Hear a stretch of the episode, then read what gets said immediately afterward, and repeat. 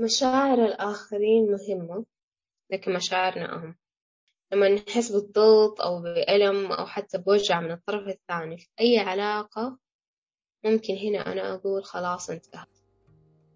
السلام عليكم مساء الخير أو صباح الخير على حسب وقت استماعكم لنا. حلقتنا اليوم بعنوان متى أقول انتهى خلونا نرجع خطوة لورا قبل التخطي. نرجع لخطوة إنهاء العلاقة. إنهاء العلاقة حاجة مهمة. ما أقدر أتخطى إذا ما قلت للطرف الثاني انتهى. ما أقدر أتجاوز إذا ما قلت للطرف الثاني إحنا ما نقدر نكمل سوا. طيب السؤال الأهم متى أقول انتهى يا عائشة؟ انتهى دلال لما أبدأ أحس إنه العلاقة سامة مؤذية متعبة بالنسبة لي. آه انتهى لما تكون العلاقة مليانة لوم وعتب عدم تقدير أو احترام بأي شكل من الأشكال. انتهى لما الأشياء تفرض علي تكون فوق طاقتي فوق طاقتي إني أقدر أتحملها. طيب إذا قولي لي متى تقولي انتهى؟ من وجهة نظرك أنت. آه متى أقول انتهى؟ لما الشخص الثاني يرفض يفهمني ويفهم أسبابي ووجهة نظري أو لما يحاول يغير نظرتي اتجاه نفسي بالإجبار وينكر جزء مني. قد يكون الطرف الثاني في العلاقة جيد وأخلاقه كويسة وأنا كمان بس إحنا الاثنين مو قادرين نكمل مع بعض. جالسين نشرح بعض آه العلاقة ما جالسة تمشي كويس. هنا أقدر أقول انتهى مو هنا أقدر أقول بالفعل انتهى. أي علاقة في الدنيا هذه بدايتها بتكون إعجاب مهما كان نوعها صداقة زواج إلى آخره. الإعجاب يكون بسمة في الشخص طريقته في التعامل مع الأمور أو مع الأشخاص اللي حوله وأشياء كثيرة غيرها. بمجرد أن ينتهي هذا الإعجاب أو ال honeymoon phase بالعربي مرحلة شهر العسل ولحظاته المبهرة تبدأ الأقنعة هذه تسقط نبدأ نلاحظ ونشوف الشخص هذا على حقيقته من غير فلتر سواء كان جوهره كويس أو لا. بشكل تلقائي الطرفين كلا الطرفين راح يوقفوا إنهم يدعوا المثالية يوقفوا إن التمثيل.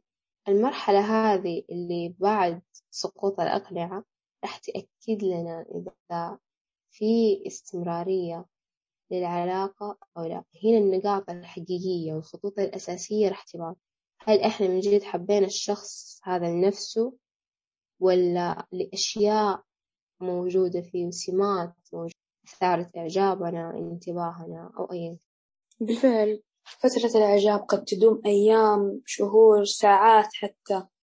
بس آه لما تبدأ لما نبدأ كل حاجة تبان أو تبدأ كل حاجة تبان. هنا الموضوع يختلف كليا. هل راح نستمر أو لا؟ ما في شيء اسمه حب من أول نظرة. آه لأنه هذه النظرة قد لا تتم قد لا تكون هي الصحيحة. ما في تقييم من أول نظرة لأنه هذه النظرة ممكن تختلف مع مرور الزمن. في حاجة تجي في بالي طب طب أنا لما أجي أبى أنهي العلاقة؟ بعد ما وصلت لمرحلة إني قلت خلاص أنا ما أقدر أكمل كيف أنهيها؟ إيش أقول؟ كيف أوصل للطرف الثاني؟ إنه خلاص وصلنا برأيي الحوار المفتوح لكل شيء تقريبا هو الحل. فإذا أبغى أنهي علاقة مع شخص لازم أوضح له مشاعري والأسباب اللي أدت للحظة هذه. يعني أفكفك وأحلل المشاكل اللي حصلت وما تم حلها بدون اتهام للطرف الثاني. مجرد طرح للحقائق بكل شفافية. حتكون جلسة. هذه الجلسة أنهي فيها هذه العلاقة. بس لازم أنا أوضح إنه هدف الجلسة إنهاء العلاقة. بشكل كامل يعني لو لو في أسئلة تحتاج الإجابة أطرحها. وأهم شيء إنه ما أرمي شباك الاتهام أو ما ترمي شباك الاتهام للطرف الثاني. فقط مجرد طرح أو قول أنا إيش أنا حاسة اتجاه هذا الموضوع. هل أنا أقدر أكمل ولا يعني ما أقعد أحس الطرف الثاني بذنب عظيم وأقول إنه هي مشاعري هي الأهم بس. لا ما حأوصل لذي المرحلة. كمان في النهاية أشكر الشخص على اللحظات الحلوة قبل المرة. أشكر إني أتعلمت معاه كثير وكان بيننا فرصة للتعارف. بس في تنويه حابة أقول لكم هو إذا أبى العلاقة إنها تستمر أعطيها فرصة مرة واثنين وعشرة. مو من أول عقبة أو أول مشكلة أو أول حاجة كهرباء تصير بيننا أقول أنا خلاص هنا لازم أوقف. ما أقدر أكمل هذه العلاقة ما تشي كذا. لازم أعطيها فرصة. مرة حتى توصل لعشرة لو كنت أنا من جد حابة هذه العلاقة تستمر ومن جد أبغى يكون هذا الشخص في حياتي. آه فعلا صراحة الحوار المفتوح حل يعتبر مرة كويس إني أو طريقة كويسة إني أقدر أنهي العلاقة هذه لأني ما حأكون متقيدة بحاجة محددة لأ أنا حطرح الموضوع. يعني تقريبا كأني بسوي مراجعة للعلاقة هذه وتوضيح للأشياء اللي صارت بشكل مفصل. حابة أتعمق حبتين في التنويه اللي ذكرتيه. أنا أشوف إنه إنهاء العلاقة هي الحل الأخير اللي نلجأ له لأنه من جد في علاقات تستحق إنه إحنا نتمسك فيها ونتمسك بالطرف الثاني. فإذا حصلت مشكلة أول حاجة لازم نسويها أو لازم تحصل إنه إحنا نحلها. نحاول نفهم سببها. إيش الأشياء اللي أدت لحدوثها؟ إيش كانت مشاعرنا وقت حدوث المشكلة؟ بإيش إحنا فكرنا؟ ونسمع برضو للطرف الثاني. ما نكون إحنا بس اللي قاعدين نتكلم وقاعدين نوضح لأ نسمع للطرف الثاني. هو كمان يتكلم هو كمان يوضح. هو كمان يقول إيش كان يحس؟ إيش كانت مشاعره بعد ما نحل المشكلة هذه نحط حدود نوضح نقاط ونأكد عليها.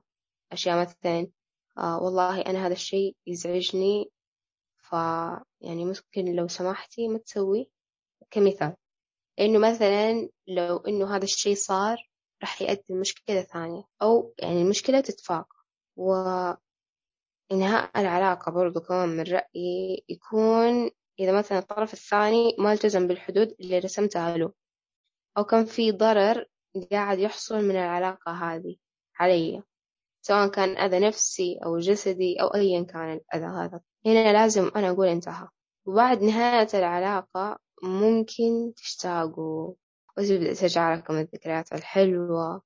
لكن لا تستسلموا للانتكاسة هذه وترجعوا العلاقة مرة ثانية. باللحظة هذه أفتكروا أنتوا أساسا ليش أنهيتوا العلاقة هذه؟ وافتكروا إنكم أنهيتوها بقناعة. ونسيت أقول لكم إنه ترى في قرار قطع العلاقة أو إنهاء العلاقة أوكم شوية تكفلوا الجانب العاطفي للحظة. وتفكروا بمنطقية. أنا ليش أخذت هذا القرار؟ أنا ليش أبغى أقطع العلاقة هذه؟ إيش هي الأسباب؟ هل هي من جد الأسباب هذه مقنعة و... وكفاية وصلت لحد إني أقطع العلاقة؟ عشان بعدين ما يجي إحساس بالندم إذا أنهيتوها بشكل عاطفي وفوضوي. وعلى طاري النهاية الفوضوية أحيانا ترى ما نقدر ننهي العلاقة بشكل مرتب. وهذا اللي غالبا أنا أشوفه في الواقع.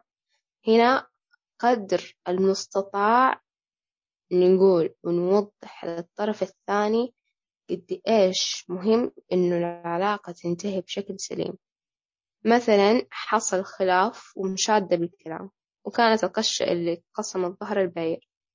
هنا ممكن أقول هذه الجملة.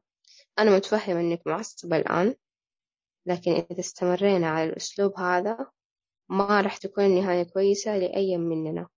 خلينا ناخذ وقت نهدى.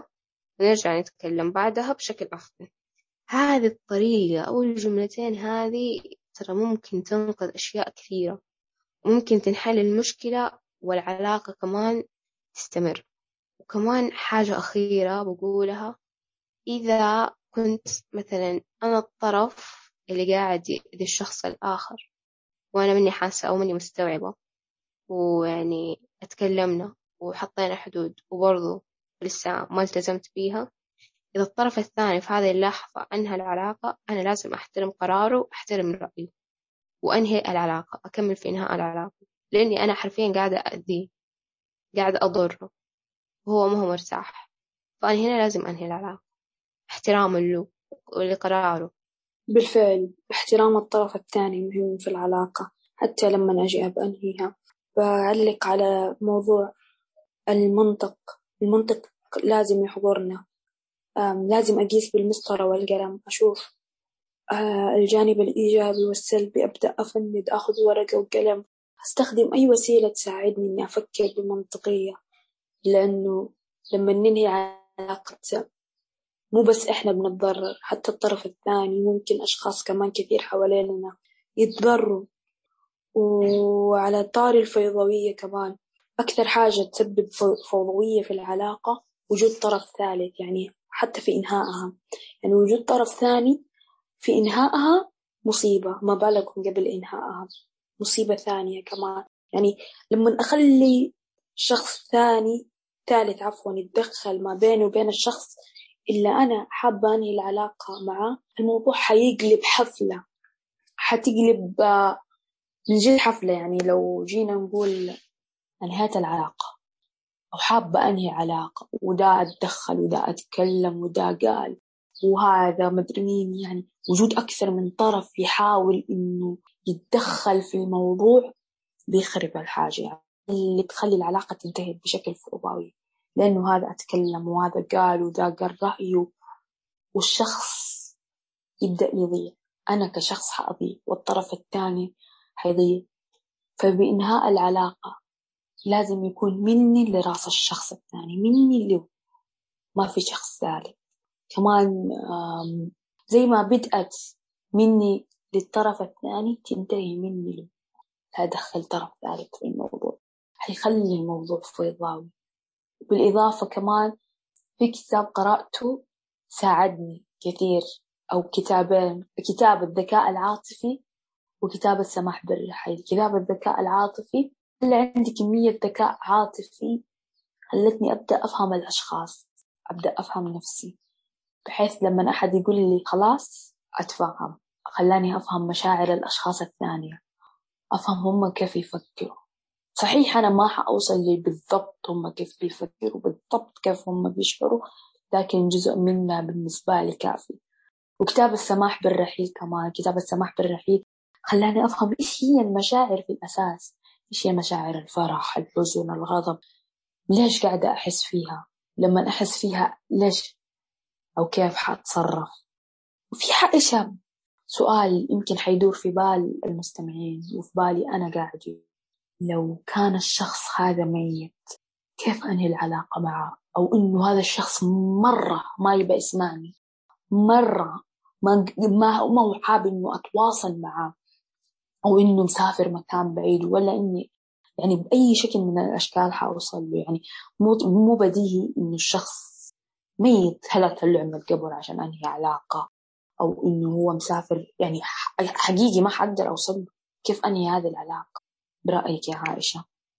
زي ما قلتي إذا مثلا كان الشخص هذا متوفي أو الشخص هذا أتوفى وأنا كنت أبغى أنهي العلاقة هي يعني بوفاته العلاقة انتهت.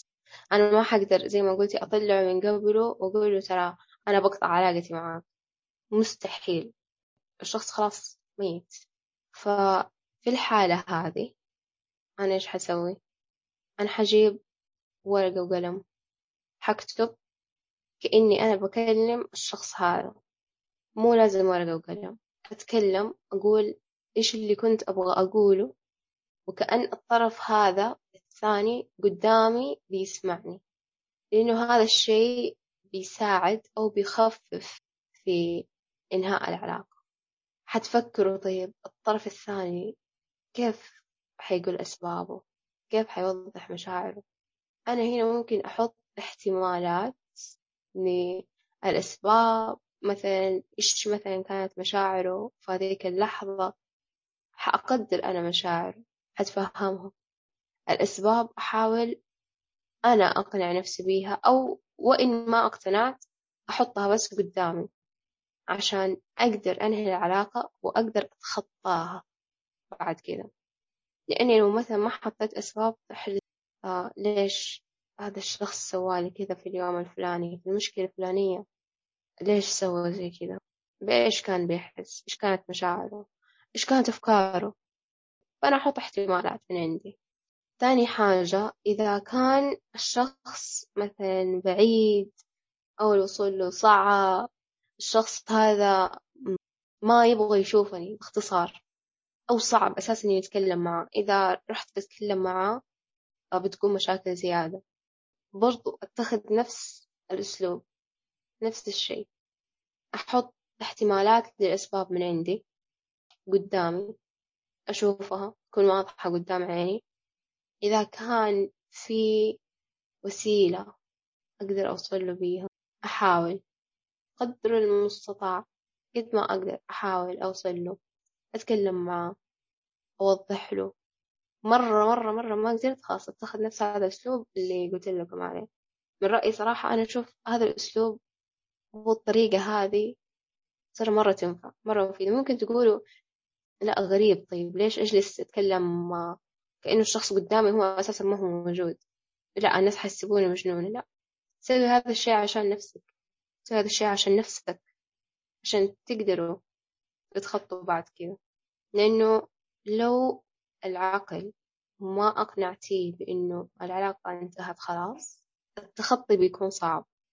وعندي رأي بالنسبة إذا بنهي علاقة والشخص متوفي ممكن كثير يختلفوا معايا في هذا الشيء. إذا مثلا هذا الشخص كان ظالم للطرف الثاني سوى أشياء كثير مؤذية ومضرة للطرف الثاني حييجوا الناس اللي قريبين منه حيقولوا سامحيه حلليه. لا ليش؟ الشخص هذا ظلمني ضرني أذاني. ليش أسامحه بالسهولة هذه بس عشان أتوفى؟ أحيانا أحس إنه كون الشخص أتوفى كأنه وفاته بتعطيه بطاقة إعفاء شامل من جميع الناس اللي سابهم وراه. هذا غير صحيح. إذا الشخص ظلمني أذاني أنا ما حقدر أسامحه بذي السهولة. لازم أخذ وقتي. إذا أبغى أسامحه حسامحه أنا من نفسي. لأنه هذا كان قراري إني أنا بسامحه إذا ما أبغى أسامحه فهذا برضو قراري. المفروض ما حد يتدخل فيه. بالفعل يا عاشا أبعلق على النقطة الأخيرة. ما حد عنده كرت فيه يقول لي أسا... يعني يقول لي أسامحه أو لا. من اللي راسي يعني أسامح أو لا هذا بكيفي أنا. يعني أصح النصيحة حلوة إنه سامح الشخص. يذكرني فيها. والله شكرا. بس لا تيجي تضغط علي إني أسامح أي شخص لأنه أنتم ما تعرفوا قد إيش الأذى اللي أذاني هو. أعطوني أقل شيء ستة شهور. خلوني أفكر ممكن المدة تقل إذا كان الشيء صغير يعني بس يعني كل مين له نقول إحساس ومشاعره الخاصة. في ناس خفيف في ناس ثقيل يعني. المرونة النفسية بالضبط هذه النقطة اللي أبا الكلمة اللي بوصل لها. المرونة النفسية عندي مو زي اللي عند غيري. فبالتالي أسامح ما أسامح هذا خلوني أخذ وقتي وأفكر. يعني في دعاء دائما أقوله اللهم ما كان بيني وبينك فاغفره لي وما كان بيني وبين عبادك فتحمله عني. لأنه اللي بيني وبين عبادك كبير. أنا ما أدري مين زعلت مين خاصمت مين لأنه كسر الخواطر صعب. فما تدري مين حيسامحك ولا لا؟ عشان كده لا تيجي تقولي لشخص سامح شخص ثاني بالإجبار خلوه ياخذ وقته. هذه أول نقطة. ثاني نقطة إني كيف أتخطى لو الشخص مات آه لو الشخص كان بعيد. زي ما قلنا في بداية أو السؤال اللي سألتك هو بالفعل ترى أنا من جد أستخدم الورقة والقلم. أستخدم الورقة والقلم. أحط تاريخ يوم ساعة شهر إيش صار الحدث من وإلى. مبررات ما إلى ذلك. إيش كنت أبغى أقول في هذه اللحظة؟